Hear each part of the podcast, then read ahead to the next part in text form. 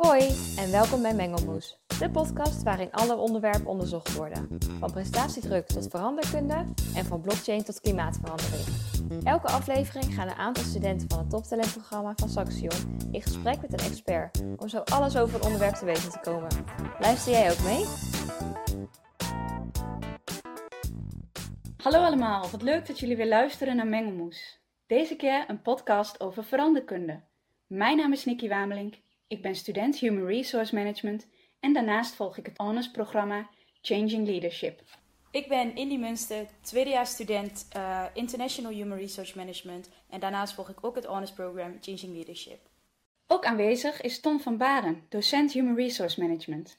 Ton, zou jij eens iets kunnen vertellen over jezelf en misschien ook wat over jouw ervaring met verandermanagement? Ja, Nicky, ja, dankjewel. Dat kan ik zeker. Je hebt het eigenlijk al verklapt. Hè? Ik ben docent HRM uh, bij de AMA. En veel, gek veel meer is er niet te zeggen over me. Nee, hoor, nee dus ik, dit, dit, doe ik nu een jaar of uh, zeven. Uh, en dus ik, ik, zit helemaal in die HR-lijn. Heb ik ook een bepaalde verantwoordelijkheid in. En voordat ik zeg maar docent werd, werkte ik als HR. nou, iets meer dan 30 jaar geloof ik. Waarvan het grootste gedeelte van de tijd dat ik ook eindverantwoordelijk was voor de HR-afdeling. Oh ja, en jouw vraag was: wat heb je ook nog gedaan met verandermanagement?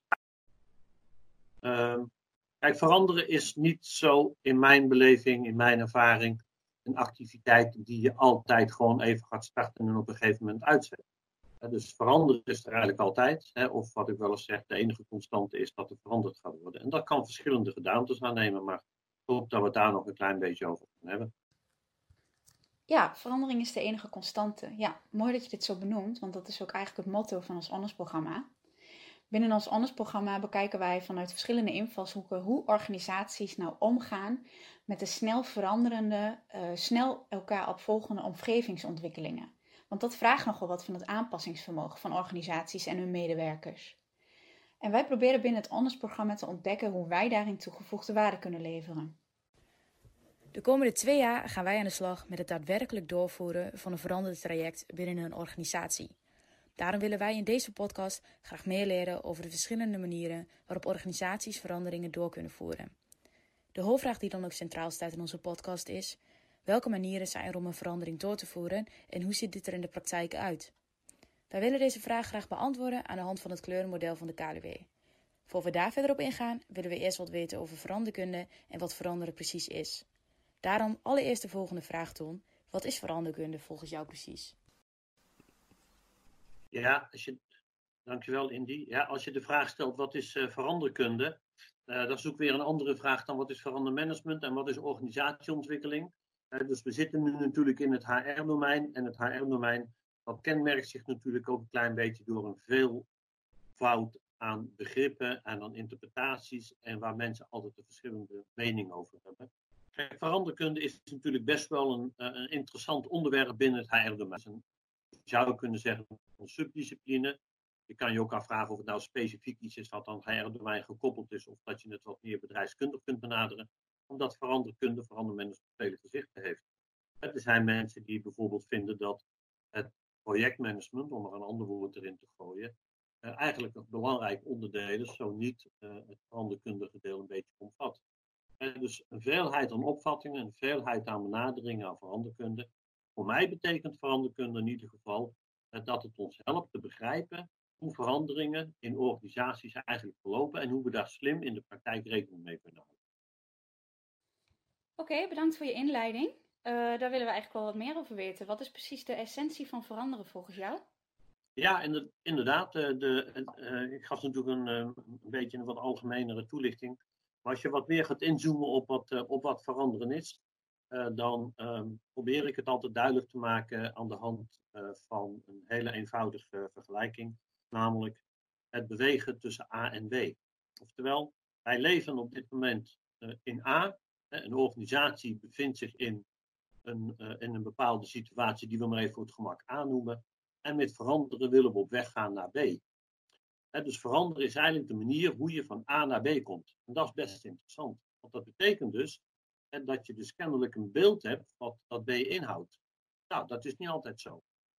dus binnen, de, binnen, de, binnen het veranderen zou je kunnen zeggen veel opvattingen gaan over wat ze noemen zogenaamde geplande verandering. Plan change noemen ze. En uh, dat plan change, dat, dat veronderstelt een klein beetje dat je eigenlijk wel heel goed planmatig onderweg kunt gaan naar dat eindpunt, naar dat B-punt wat je dan gedefinieerd hebt. Nou, klinkt een beetje abstract misschien zo. En maar ik kan je voorstellen dat als je als organisatie uh, uh, ervoor kiest om uh, een nieuwe techno technologische ontwikkeling te, introduceren in je organisatie. Laten we het even aannemen dat je robotisering aan de slag wil. En je, wil, bijvoorbeeld wasrobots introduceren in je organisatie. Nou, dan kun je wel vrij helder definiëren wat dan de status van dat verandertraject is. Welke onderwerpen daarbij komen kijken. Natuurlijk een technologische component, heeft natuurlijk een medewerkerscomponent, het heeft een financiële component. Dus zo zie je al die onderdelen uh, zeg maar naar voren komen waar je iets mee wilt, voordat je kunt zeggen, oké, ik heb dat punt B bereikt. Die is vrij gemakkelijk. Want je hebt al gekozen namelijk, in dit voorbeeld, om die lasrobot naar binnen te halen. Stel je nou voor dat je dat niet weet. Stel je nou voor dat je zegt, oké, okay, wij leven nu eenmaal in een bepaalde concurrerende uh, omgeving. We weten dat onze concurrenten, uh, laten we zeggen, een beetje voorop lopen. Je wilt niet helemaal voorop lopen, want het heeft ook natuurlijk bepaalde kosten en risico's met zich mee. Maar je wilt ook niet achteraan lopen. Dus je bent op zoek naar wat je kan doen in je organisatie om een technologie in je eh, zeg maar, te gaan introduceren. Nou, dan ga je met z'n allen in feite op zoek naar wat zeg maar, die nieuwe technologie zou kunnen zijn om in jouw organisatie te gaan introduceren. Nou, je zou, eh, los even van exacte definities, maar je zou dit dan een wat minder geplande verandering op zijn minst kunnen noemen. En je kan het ook zelfs ongepland. Hè? Want namelijk, je bent ermee bezig en tijdens de rit ga je steeds de stapjes vooruit zetten, zodat je uiteindelijk en je doel bereikt. Maar veel belangrijker dat je tijdens zeg maar, de weg daar naartoe ook dat doel wat, wat specifieker uh, definieert.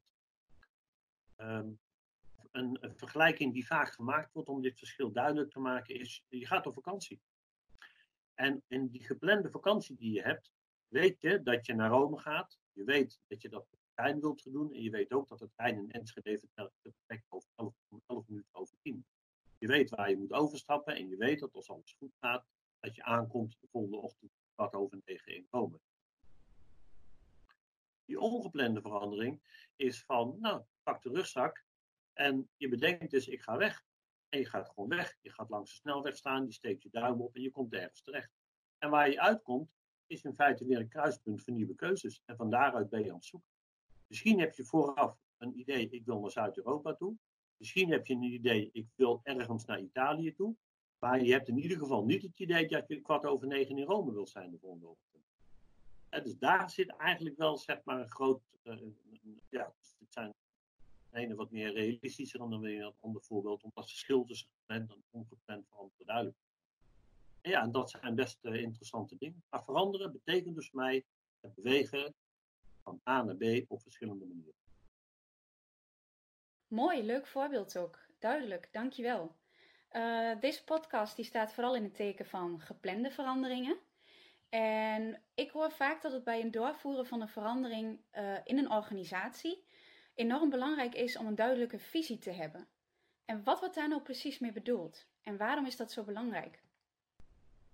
Ja, dat is altijd natuurlijk de vraag. Als iemand zegt, ik vind dat belangrijk, dat je dan aan diegene vraagt wat hij ermee bedoelt.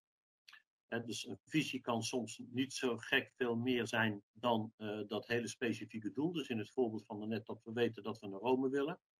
Uh, maar een visie kan natuurlijk ook heel algemeen zijn. In het voorbeeld van die organisatie die nog niet precies weet dat ze lasrobots willen. Maar dat ze wel iets met die nieuwe technologieën willen doen. En dan zou je een visie kunnen hebben in de trant van ja, maar ik wil toch wel iets in mijn bedrijf doen met nieuwe technologische ontwikkelingen.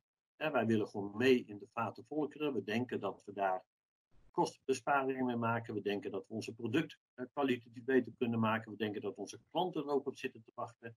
Kortom, er kunnen allerlei redenen zijn om dat te doen. Ja, maar die visie zegt meer zeg maar, iets van de richting waar je naartoe wilt. Het zou, het zou wat verrassend zijn, om maar even die reismetafoor weer te gebruiken. Het zou wat verrassend zijn als je in een Enschede langs de snelweg gaat staan en het maakt niet uit waar je uit. Het goed op Noordpool als in uh, Zuid-Frankrijk of in Moskou uh, gaat uitkomen. Die ongerichtheid, ja, dat is wel een beetje erg lastig. in extremo's zou het wel kunnen. Minder realistisch. Is dat een beetje een antwoord op wat de vraag die je hebt over visie? Zeker, ja, dankjewel. Je hebt tijdens de introductie al kort verteld over jouw praktijkervaring met verandering. Maar zou je ons misschien ook iets meer kunnen vertellen over de uitdagingen die je hierbij tegenkwam? De uitdagingen eh, bedoel jij met mijn ervaring met veranderen? Ja, die zijn, eh, die zijn veelzijdig. Ehm, kijk, ehm, eh, wat, ik net al een klein beetje zei, er zijn verschillende manieren van veranderen, er zijn verschillende uitingsvormen van veranderen enzovoort. dus ik heb bijvoorbeeld meegemaakt een reorganisatie bij een bedrijf waarbij gewoon een afdeling opgegeven ging worden. Dat is een reorganisatie. is natuurlijk op zich een verandering. Want het betekent nog wat voor een organisatie als er ineens een onderdeel van die organisatie wegvalt. Dat betekent dat een gedeelte van je dienstpakket wegvalt, een gedeelte van je productie wegvalt. Je moet iets gaan regelen voor de mensen. Uh, je moet, nou, kortom, allerlei onderdelen in je hele bedrijfsvoering moeten herzien worden. Is best een ingrijpende operatie. Nog even afgezien van alle onzekerheden die daarbij een rol, mee, daarbij een rol spelen. Een ander voorbeeld is, is dat we in een organisatie ervoor gekozen hebben uh, dat wij vinden dat uh, we op een andere manier moeten werken. En dat dat dus andere competenties van medewerkers vereist. Nou, dan kun je je al bij voorstellen, zonder in al die details in te willen gaan, kun je voorstellen dat je dan een heel ander traject voor je hebt liggen dan in het geval van een reorganisatie doorvoeren. Dus je kan je voorstellen bij zo'n reorganisatie is natuurlijk een enorme uitdaging om uh, een goed, zo goed mogelijke uh, voorziening te treffen voor je medewerkers, om je ondernemingsraad en eventueel de vakbonden daarin mee te krijgen. En maar ook om richting je klanten ervoor te zorgen dat je dienstverlening zo ongestoord mogelijk verder gaat. Dat zijn natuurlijk best wel interessante uitdagingen. In het geval van een gedragsverandering is het natuurlijk hartstikke interessant. Leuk dat je bedacht hebt dat je competenties anders moeten. Leuk dat je ook bedacht hebt dat je medewerkers eraan moeten doen. Maar hoe zorg je er nou voor dat ze eraan gaan voldoen? Ja, en wanneer ben je nou precies tevreden? Dus wat, wat is dan het gewenste niveau waarop je vindt dat het bereikt moet gaan worden? Dus dat zijn best wel ingewikkelde vragen. Nog even los van de vraag in welke mate mensen gemotiveerd zijn en ook daadwerkelijk in staat zijn om die competenties te laten zien. En er zijn dan best wel veel uh, verandertheorieën die bijvoorbeeld beschrijven ook hoe je zo'n verandering op een meest vlekkeloze manier kan laten verlopen. Hoe behulpzaam zijn die theorieën daadwerkelijk in de praktijk? Um, ik denk dat, uh, dat theorieën altijd uh, een hulpmiddel kunnen zijn bij keuzes in de praktijk. Ja, omdat wij met z'n allen, um, hoe ervaren je ook bent, hè, dus ook al zou je een organisatieadviseur zijn of gespecialiseerd zijn in verandermanagement, dan nog ehm, eh, moet je altijd bewust zijn van je blinde vlek die je hebt. En dan is de theorie, en dan heb ik het niet over de theorieën die heel erg hoog overvliegen, hè, maar dan heb ik het vooral over de theorieën die gebaseerd zijn op ervaringen elders of op empirisch onderzoek of zoiets. Die zijn natuurlijk best bruikbaar. Ja, en wat je daaruit gaat gebruiken, dat is je afweging. Dus ik wil iedereen aanraden om niet uh, bij wijze van spreken blind in een of ander verandertraject te stappen, maar wel zeg maar, zich uh, goed te verdiepen in de context waar hij mee te maken krijgt uh, in zo'n organisatie. Maar ze zijn niet zaligmakend. En ik zou er ook niet zo voor kiezen om een willekeurige theorie nu als een soort ja, richtlijn of wat dan ook te gaan gebruiken voor een verandertraject. Daarvoor is het ook weer een theorie. En bij veel van die theorieën, we hebben het net al even gehad over dat gepland versus ongepland veranderen ja, dat zijn natuurlijk begrippen die een bepaald ideaal typisch karakter hebben en die natuurlijk nooit naadloos over de praktijk heen passen. Dus er is geen one best way om een uh, verandering door te voeren in een organisatie? Nee, wat, eh, wat, wat mij betreft niet. Want dat zegt ook iets over hoe ik naar verandering kijk. Nee, ik denk dat, het wel, dat ik het wel met je eens ben daarin hoor. Wij hebben best wel veel gelezen over het uh, kleurenmodel van de KLUW. En in dat model worden eigenlijk verschillende visies op verandering uh, besproken. Is dat model bij jou ook bekend en zou je daar eens iets over kunnen vertellen? Ja, KDW is uh, natuurlijk een uh, ontzettend slimme man. Helaas is hij overleden, dus het is erg jammer. maar zijn, zijn, zijn partner Hans Vermaak, met wie hij dat boek samen heeft geschreven, neem ik aan dat hij dat stokje feilloos overneemt. maar Leon de Kaluwe die is um, eh, als ik me niet vergis, ehm, ehm, hoogleraar veranderkunde geweest in Amsterdam. En hij is tegelijkertijd partner, of in ieder geval senior adviseur bij het bureau Twijnstraat Gudde. Dus die man die had de ideale combinatie van in een in een, in een heet dat, in een discipline die op dat moment nog niet zo super bekend was, hè, niet zo veel over geschreven was, uh, dat hij een combinatie van theoretische inzichten in zijn praktijk kon combineren. Dus de, de, inzichten van de KLW, plat gezegd de kleurentheorie van de KLW, is voor veel PNO'ers een hele interessant referentiekader om naar veranderingen te kijken. Ton, zou je ons dan misschien ook nog iets meer kunnen vertellen over het uh, kleurenmodel van de KLW? Dus welke kleuren er precies allemaal in het model zitten? Uh, ja, ik kan, ik kan proberen, want je zegt zo volledig mogelijk. Nou, dat is best wel ingewikkeld.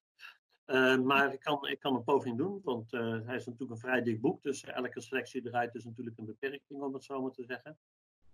kijk, KLW, alleen de KLW, de KLW moet ik zeggen, die heeft zich verdiept in hoe dat werkt. Ik heb daar net iets over toegelicht. En uh, hij is eigenlijk tot de conclusie gekomen dat er eigenlijk vijf strategieën voor verandering zijn. Hij noemt dat strategieën voor verandering. Met andere woorden, hij zegt eigenlijk, maar hij komt ook een klein beetje uit de school van de geplande verandering. Hij zegt eigenlijk, als je met de verandering bezig bent, ja, dan kies je een bepaalde aanpak om dat verandertraject te doen slagen. Dat is eigenlijk een beetje zijn beeld. Een ander uitgangspunt dat hij heeft, is dat uh, je in een verandertraject kleur gaat toevoegen. Nou, dat is een interessante, want wat houdt dat dan precies in? Nou, dus mijn beste interpretatie van dat, uh, van dat geheel is dat je zou kunnen zeggen, als je in een organisatie zit die zich even voor het gemak gezegd als vrij blauw typeert, ja, dat er vrij veel mensen zijn die zich op een blauwe manier gedragen. En dat het dus ook wel logisch is dat een veranderd traject langs een blauwe weg een bepaald verloop zal hebben. Maar het grappige is, als je natuurlijk iets zou willen veranderen in die organisatie, dat je jezelf de vraag zou kunnen stellen of als de organisatie blauw is en het een bijna een voorspelbare aanpak wordt, of dat je dan kan spreken van een echte verandering. En volgens mijn beeld is dat een van de redenen waarom uh, de KLUE zegt, ja, je moet eigenlijk kleur toevoegen in een verandering. Dus je zou dus, dus kunnen kijken van wat zou nou eens een andere manier zijn in een organisatie om iets te veranderen. Want en dat had ik, misschien had ik daarvoor misschien iets moeten zeggen. Ja, we weten uit uh, veel, veel onderzoek ja, dat de klassieke manier van veranderen, en ik laat nog even midden wat de klassieke manier van veranderen is, in ieder geval een manier waarbij er niet zo bewust over nagedacht is, dat die klassieke manier van veranderen eigenlijk niet zo vaak tot succes leidt. En een van de dingen dat het ermee te maken heeft, is dat we eigenlijk niet goed nadenken over de aanpak die we willen. Nou, dus dat is het eentje. Een ander uitgangspunt, wat, uh, of een andere invalshoek, hoe zeggen wilt, wat die de KLW gekozen heeft, is dat je zou kunnen overwegen dat als je een veranderd traject hebt, en een veranderd traject heeft natuurlijk meerdere stappen, of meerdere fasen, of meerdere, uh, ja, hoe moet je dat zeggen, meerdere mijlpalen, maar het hangt er een beetje vanaf hoe je dat allemaal noemt, dat hij zegt, in elk, elk van die fasen zou je ook wel kunnen kiezen voor een andere kleur. Nou, en om dat een beetje helder te maken, dus onthoud deze even, is het misschien handig als ik iets zeg over die vijf verschillende kleuren. Het zijn vijf kleuren dus. Geel, blauw, rood, groen en wit. Dus meestal de volgorde, als ik niet vergis, waarin ze genoemd worden. En uh, eigenlijk heeft hij gezegd van oké, wat moet ik nou doen om ervoor te zorgen dat een organisatie gaat veranderen? En het leuke van de KLW is, is dat hij eigenlijk wel een beetje lekker dicht tegen het HRM-domein zit. En want een organisatie veranderen, ja, dat is een beetje lastig. Een organisatie kun je niet beetpakken en zo. Dus eigenlijk hebben we het erover, ja, wat zijn nou de manieren waarop wij ervoor kunnen zorgen dat mensen in een organisatie uh, ander gedrag laten zien, op een andere manier gaan functioneren, het anders gaan doen. Nou, dat zijn er dus die vijf kleuren. En, vanuit de, uh, en hij heeft dus de vraag gesteld, wat, wanneer komen mensen in beweging, afhankelijk van de kleur waarin, ze, waarin we gaan kijken. En bij een gele benadering zou je kunnen zeggen dat mensen in verandering komen als het in hun belang is. Dus, zeg, dus de gele benadering die zegt uh, typerend van oké, als we een belang hebben, dan kunnen we veranderen. Met andere woorden, als we aan medewerkers bijvoorbeeld zeggen oké, aan het einde van de rit heb je een bonus, is dat voor sommige mensen een reden om te veranderen als je zou zeggen van nou, we hebben er belang bij, want dit bedrijf blijft voortbestaan, of we hebben er belang bij, want we hebben tevredenere klanten, of wat dan ook, dan kun je afvragen of dat, dat zeg maar, voldoende motiveert om die medewerker in verandering te krijgen. Want de vraag of dat de klanten tevreden zijn, dat is nou de vraag of dat uh, die medewerker daarvoor doet. Dus die gele kleur veronderstelt dat je natuurlijk als verandermanager of welk woord dat je eraan wil geven, iemand, iemand die in ieder geval bezig is met een bepaalde vorm van regievoering op dat verandertraject, dat je natuurlijk goed in de gaten moet hebben wat dan de belangen zijn van de doelgroep waar die verandering op betrekking. Het gaat dan dus eigenlijk misschien een beetje om het in kaart brengen van de verwachtingen van de verschillende stakeholders die erbij betrokken zijn? Ja, je zou, uh, je zou uh, zonder dat ik heel erg woordjes en zo ben, maar je zou best kunnen stellen dat bij geel het ook met verwachtingenmanager te maken heeft, ja.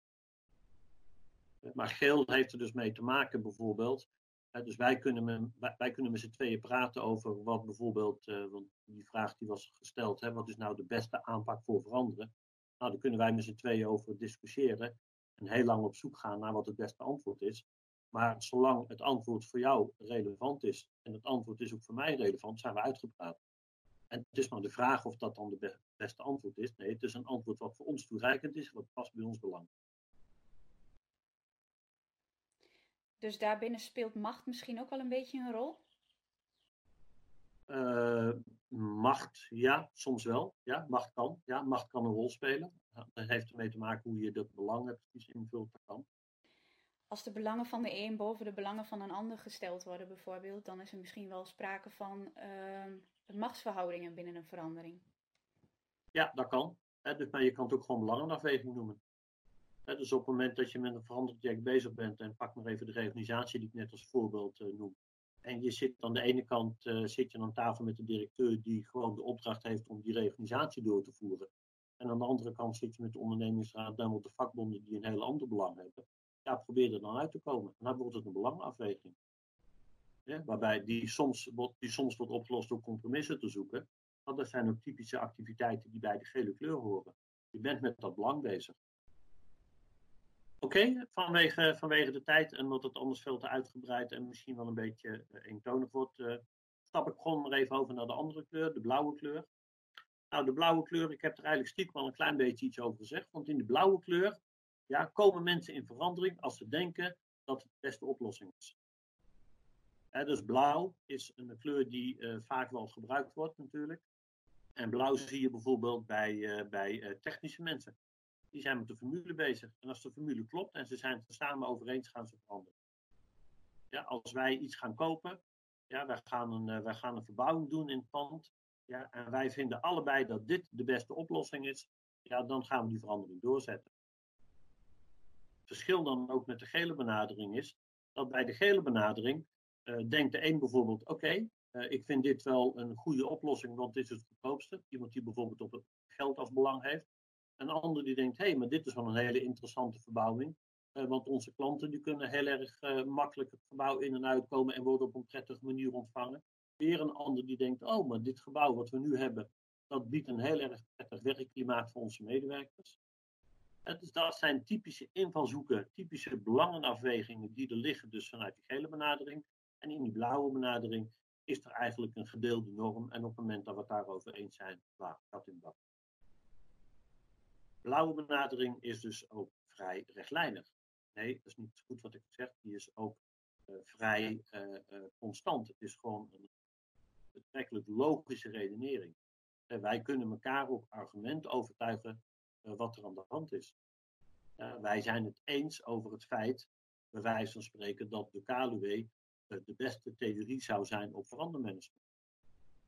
Gele mensen die zeggen, nou ja, oké, okay, kan wel goed zijn, ja, maar uh, uh, iemand anders die kan ook wel een heel goed boek geschreven hebben. Dus welke gaan we nou kiezen? En dan zou het wel eens kunnen zijn dat we degene kiezen waar degene die ermee moet werken toevallig net de meeste inzichten in heeft. Ja, want daar heeft hij belang bij, daar heeft hij verstand van, dat weet hij al, heeft hij al eerder gedaan, in plaats van waarom zou ik weer iets nieuws gaan verdienen.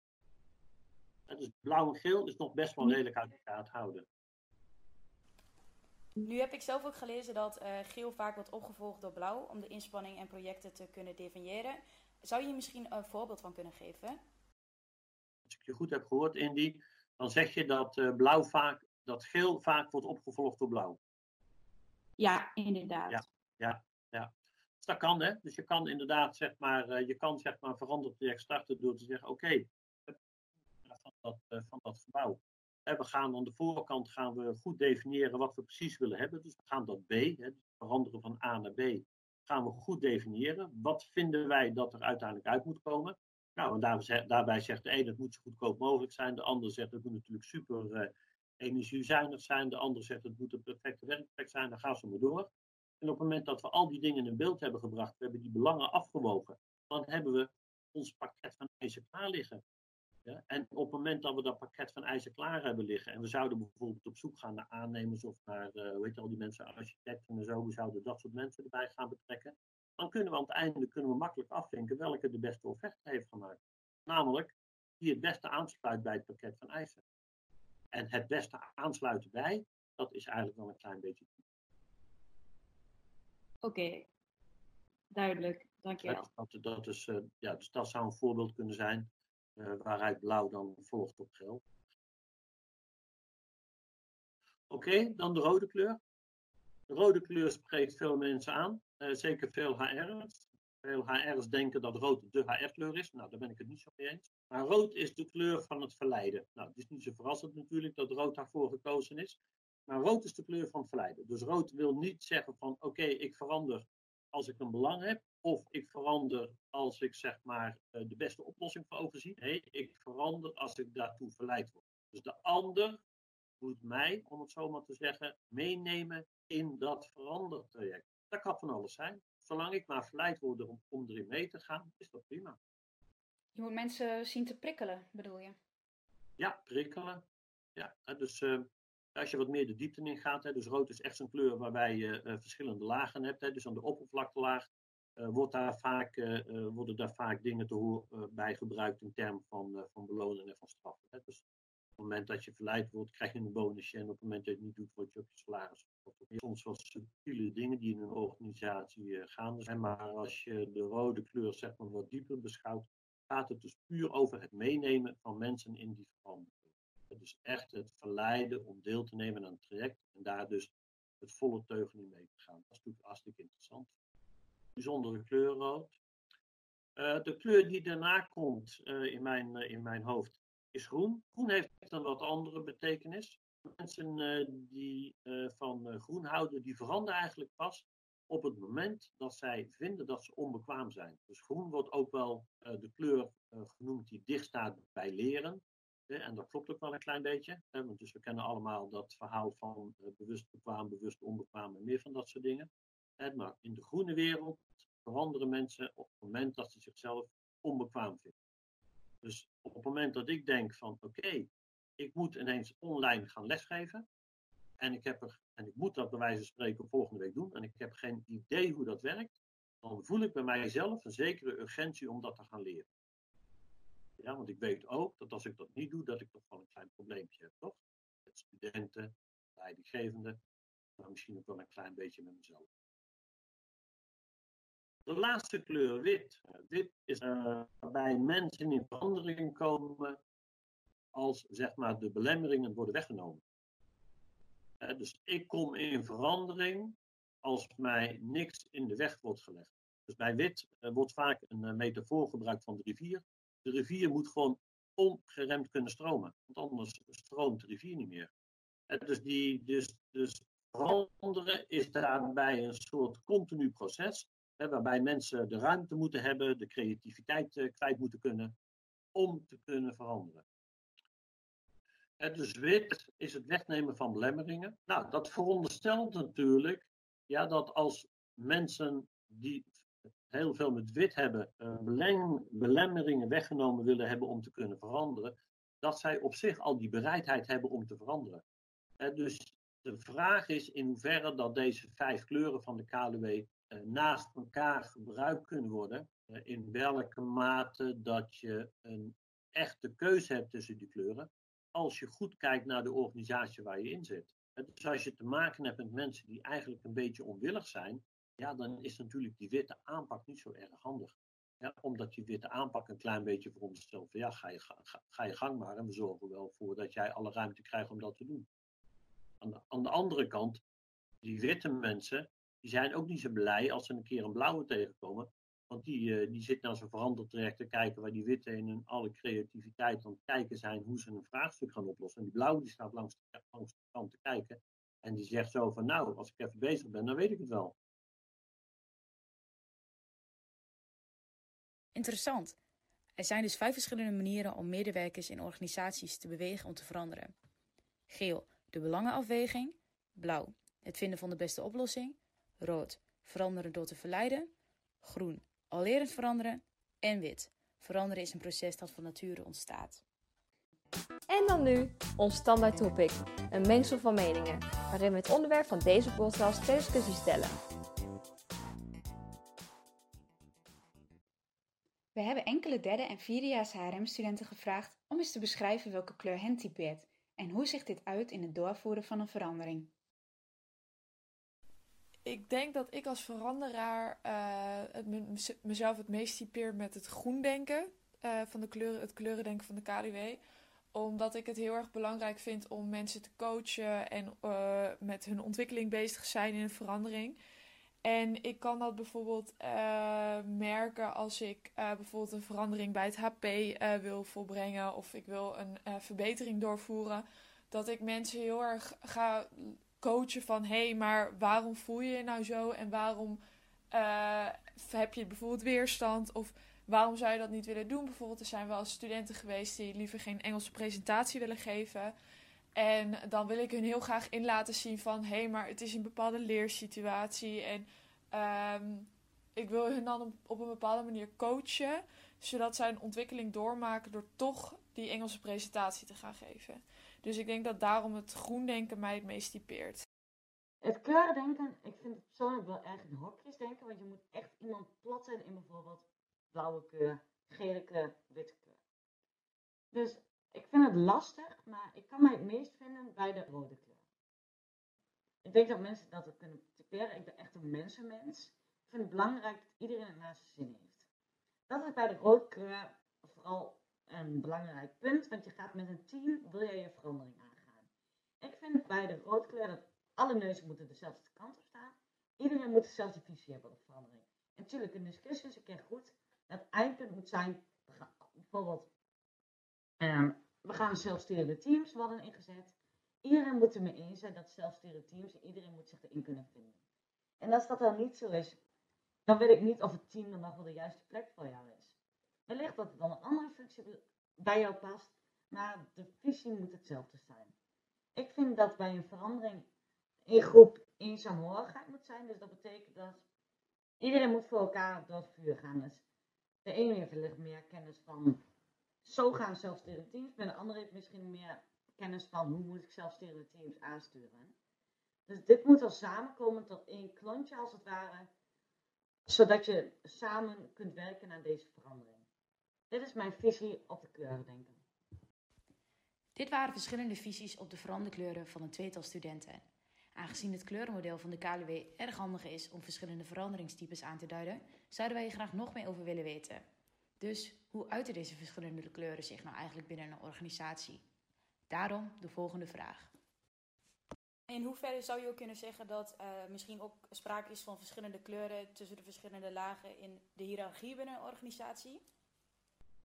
Ja, dat is een hele interessante vraag uh, in die die je daar stelt. Uh, kijk, ik, ik, deed het zelf net ook al, uh, dat ik ehm, bij de kleurentoelichting zei van wanneer veranderen mensen. En die veranderstrategieën, zoals eigenlijk zijn uh, gedachtegang bedoeld is, heeft er meer mee te maken van welke aanpak kies ik een bepaald verandertraject. Maar wat ik ook al zei, dat organisaties bestaan niet, het zijn altijd mensen. Dus het gaat ook om mensen. En dat betekent dus ook dat je je af moet vragen van ja, maar met wat voor mensen heb ik te maken als ik met een verandertraject bezig ben? Wat is dan mijn doelgroep? Is dat een afdeling met allemaal ingenieurs technisch opgeleid? Ja, of is dat een afdeling research and development? Uh, dus eigenlijk zou je kunnen zeggen ja, dat de, uh, zonder, dat ik, zonder dat ik weet dat daar nou een keihard sluitend bewijs voor is, dan zou je kunnen stellen dat de veranderkleuren best wel een verbandje zouden kunnen hebben met het type werk doen. Of dat dan zeg maar de verschillende hiërarchische lagen in een organisatie is, dat kan ook natuurlijk verschillende beroepsgroepen zijn. HR's, ik zei het net al, die hebben over het algemeen wat, meer, wat, meer, wat meer met die rode kleur. maar de, de boekhouders, de techneuten, hebben wat meer met die blauwe kleur. En die begrijpen rood ook helemaal niet. Die zeggen gewoon van ja, dit is toch het beste. Waarom zouden we het erover moeten hebben? Waarom zou ik mensen erin mee moeten nemen? Je snapt toch wel dat dit de beste oplossing is. Dat, dus bij, bij die kleuren, daar hoort ook een bepaald jargon bij. Hè? Dus lees het boek van de KDW. En omgekeerd zou je kunnen zeggen, als je dus mensen tegenkomt die bepaald jargon gebruiken, dat dat best wel eens een indicatie zou kunnen zijn voor zeg maar, de manier waarop zij naar veranderen kijken. En zou het dan ook voor ons betekenen dat wij eigenlijk in staat moeten zijn om van kleur te kunnen wisselen? Dus dat bijvoorbeeld als een bepaalde situatie vraagt om een bepaalde kleur, dat wij ook die aanpak moeten kunnen hanteren? Ik weet niet precies wie, wie je met wij uh, bedoelt, maar uh, als je daarmee bedoelt de, de gemiddelde uh, ja, veranderbegeleider, verandermanager of wat dan ook. Ja, daar, daar, vind ik geen eenduidig antwoord op te geven. Uh, kijk, in mijn, in mijn, uh, in mijn rol uh, in het verleden, in mijn ervaring in het verleden, vond ik het erg prettig dat ik een klein beetje kon spelen met die verschillende veranderaanpakken. En dat ik, en dat ik het besef had dat een bepaalde situatie misschien wel om een andere aanpak vraagt. zonder dat ik nou wil zeggen dat alles altijd geweldig ging en zo. Maar in ieder geval dat je niet domweg gaat kopiëren wat een keer gelukt is en dat je denkt dat het in deze ook past. Uh, dus voor sommige functies is het best wel handig dat je wat meer generalistisch ingestoken bent en dat je die verschillende invalshoeken kunt gebruiken. Aan de andere kant kan ik me ook voorstellen dat als je daar wat in specialiseert en je bent een extern organisatieadviseur, en als bedrijf heb je ervoor gekozen uh, om een bepaalde aanpak te kiezen, omdat je denkt dat dat goed past bij je bedrijf, dat je wel iemand opzoekt die juist met zo'n aanpak heel veel ervaring heeft. Dan zou ik als bedrijf weer wat meer geïnteresseerd zijn in een specialist. Kijk, wij hadden als bedrijf, toen we dat hadden over die gedragsverandering, hadden wij niet zoveel ervaring hoe je nou een groep, en in ons geval waren het nog best wel een behoorlijke groep onwillige mensen, hoe je die groep onwillige mensen meekreeg in die gedragsverandering hebben een extern bureau ingeschakeld. Help ons. Nou, dat is uitermate goed bevallen.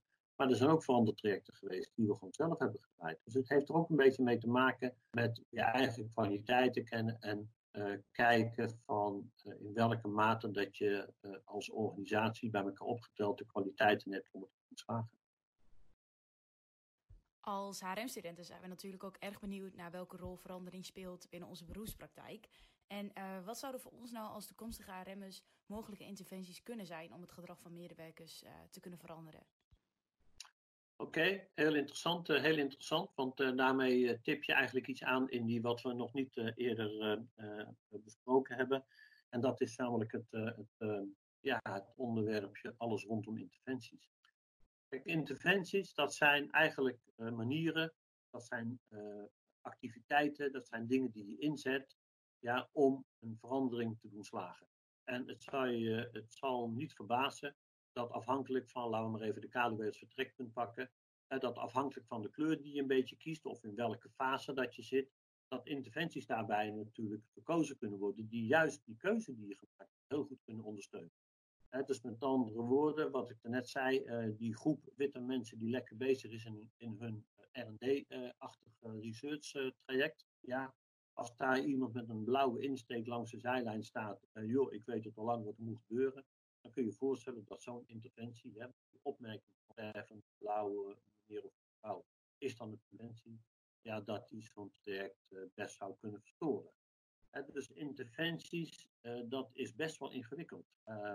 naast dat bepaalde dingen een beetje voor de hand liggen, zijn er ook wel voorbeelden van interventies die wat minder voor de hand liggen. Want stel je maar eens voor, je werkt bij een organisatie ja, en je wilt hebben dat er een verandering gaat plaatsvinden in die organisatie. Bijvoorbeeld omdat de organisatie wat slecht presteert. Bijvoorbeeld omdat de klanten wat ontevreden zijn. En noem allerlei andere aanleidingen. Het bespreken van het feit dat je iets gaat veranderen, is natuurlijk al een interventie. En die interventie heeft dan nog eens een keer twee dimensies ook. Namelijk, kies je voor een bespreking of kies je voor een andere vorm. Hè, er zijn organisaties die ervoor kiezen om uh, het via de media te lekken. kijk maar naar alle voorbeelden van de afgelopen periode. Hè, dat mensen het uit de media moeten halen dat er iets met hun bedrijf gebeurt. Uh, dus welk medium kies je uh, voor, voor je interventie? Maar ook wat doe je dan feitelijk in die interventie? Dus laten we even gewoon lekker down to earth zijn bij een willekeurige afdeling. Ja, en op die afdeling moet er wat veranderen. Stel je nou voor dat die manager van die afdeling zegt: Oké, ik roep uh, mijn hele afdeling met elkaar en ik ga het met hen bespreken. Welke invalshoek kiest hij dan? En gaat hij tegen die mensen zeggen: Nou, mensen, we staan er hartstikke slecht voor en we moeten veranderen? Of gaat hij tegen die mensen zeggen: Oké, we, gaan, uh, we gaan op uh, naar een, ik noem maar even wat, een wat meer klantgerichte organisatie. Wie heeft daar ideeën voor? Ja, en ik weet dat geen van beide voorbeelden die ik nu geef de beste voorbeelden zijn. Daar gaat het niet helemaal om. Het gaat er maar om dat je realiseert dat als je in een veranderd traject stapt, ja, dat eigenlijk de manier waarop je daarover gaat beginnen, al zou je al een duidelijk merkbaar startpunt hebben, ja, dat dat dus erg van belang is. Dat zijn de interventies waar we het echt over hebben. Wij kunnen, wij kunnen veel dingen soms zo verkeerd doen ja, dat we uh, uh, met 1-0 achter staan en dat we heel veel energie moeten stoppen om dat weer ongedaan te maken. Dus het slim nadenken over de dingen die je doet, geldt sowieso voor het algemene functioneren. Zeker als je bewust bezig bent. Heel erg bedankt, Ton. Ik denk dat dat uh, zeker duidelijk is. Als afsluiter zouden wij ook nog even graag een korte samenvatting willen geven op de verschillende veranderkleuren. En wanneer mensen nou eigenlijk precies veranderen. Geeldrukdenkers veranderen op basis van een belangenafweging of onder invloed van macht. Hier gaat het dus eigenlijk vooral om het bijeenbrengen van meningen en het vormen van coalities. Blauwdrukdenkers veranderen pas als je van tevoren een duidelijk resultaat vastlegt en alle veranderstappen tot de minuut nauwkeurig plant. Beheersing en projectmatig denken zijn hierbij belangrijk.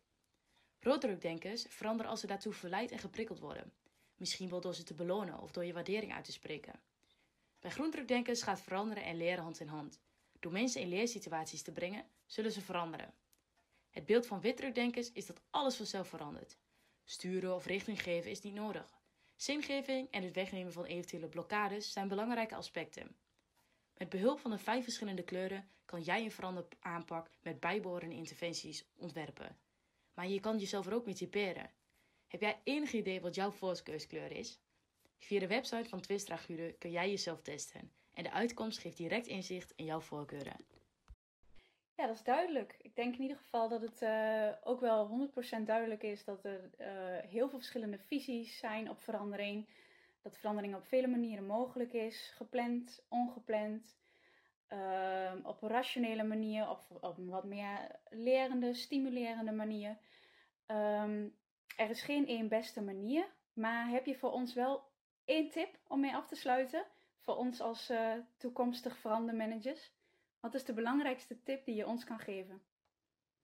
Ik denk dat, uh, uh, zo'n leuke vraag trouwens. Uh, ik denk dat, ik denk dat mijn belangrijkste tip zou zijn, is om veranderen niet als iets heel bijzonders te zien. Dus als je erin gelooft dat veranderen de enige constante is, dus dat je eigenlijk altijd wel bezig bent met je organisatie te verbeteren, dat je bezig bent nieuwe dingen te doen of probleempjes op te lossen, wat dan ook, ja, dan zou ik zou ik eigenlijk willen zeggen, blijf jezelf. dus op het moment dat er ineens een stempeltje wordt geplakt op een activiteit veranderen en je gaat ineens heel anders doen, wel erg. Ja, dat hebben mensen feilloos in de gaten. En dat gaat onmiddellijk je geloofwaardigheid en daarmee je effectiviteit maken. Hele mooie tip, die gaan we zeker meenemen. Dankjewel, Ton. Nou, graag gedaan. Ik hoop jullie er wat aan hebben. Allemaal ontzettend bedankt voor het luisteren naar onze podcast met als deskundige Tom van Baden. Ton, jij ook echt ontzettend bedankt voor de verschillende inzichten die je ons hebt gegeven met betrekking tot de veranderkunde. Wij vonden het in ieder geval ontzettend leuk om deze podcast op te nemen en we hopen dan ook dat het jullie veel luisterplezier heeft bezorgd. En wie weet dat we elkaar in de toekomst nog eens een keer treffen. Vond je dit een leuke podcast? Luister dan elke twee weken naar een nieuwe aflevering van Mengelmoes.